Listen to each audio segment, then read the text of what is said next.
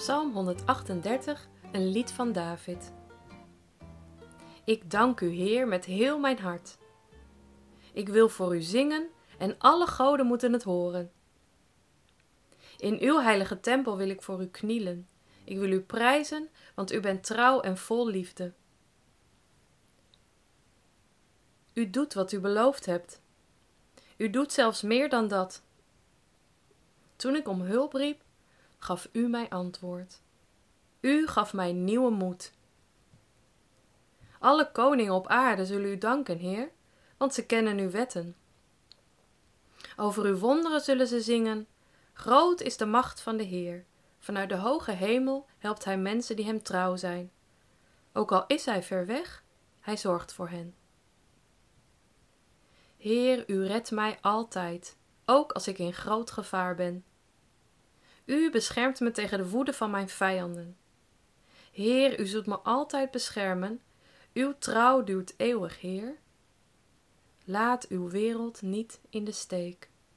Avec la mer du Nord pour dernier terrain vague et des vagues de dunes pour arrêter les vagues et de vagues rochers les marées dépassent et qui ont à jamais le cœur à marée basse, avec infiniment de brumes à venir, avec le vent de l'Est, écoutez-le tenir, le plat pays qui est le mien, avec des cathédrales pour unique montagne de noirs clochers comme mâts de cocagne où des diables en pierre décrochent les nuages. Weer een korte psalm, deze 138ste.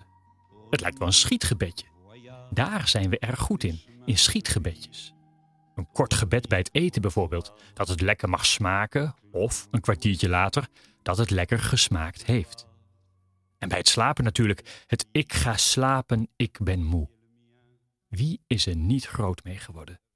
Daar moet onze lieve Heer het maar mee doen. Gemiddeld bidt een Nederlandse christen zo'n vijf minuten per dag. Zo bleek uit onderzoek. Hoeveel bid jij?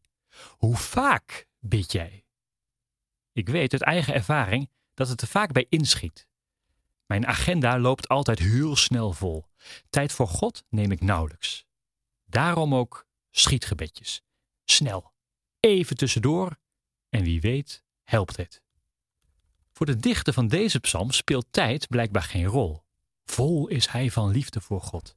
Zijn hart is vol, hij neemt de tijd daarvoor en daarom stroomt zijn mond blijkbaar over. De dichter is één en al lof en eer voor God. Waarom? Waarom doet hij dat? Waarom maakt hij of zij daar tijd voor? Omdat God hem heeft bemoedigd. God heeft hem letterlijk moed gegeven om dit te doen, om hem te danken. En uit pure dankbaarheid volgt hier dat danklied voor God. In uw heilige tempel wil ik voor u knielen. Ik wil u prijzen, want u bent trouw en vol liefde. U doet wat u beloofd hebt. U doet zelfs meer dan dat. Geloven kost je wat. In de eerste plaats tijd.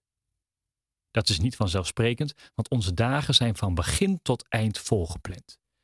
Met kinderen, vrienden, Netflix, werk, school, studie, uitgaan, vakanties, eten, koken, slapen, sporten, noem maar op. Neem de tijd, af en toe, zou de dichter zeggen. Neem de tijd voor jezelf. En tijd voor jezelf is tijd voor God. Laat je agenda of anderen niet jouw leven bepalen. Hoe zit jij erbij vandaag? Hoe vol is jouw dag? En welke plaats geef je God daarin?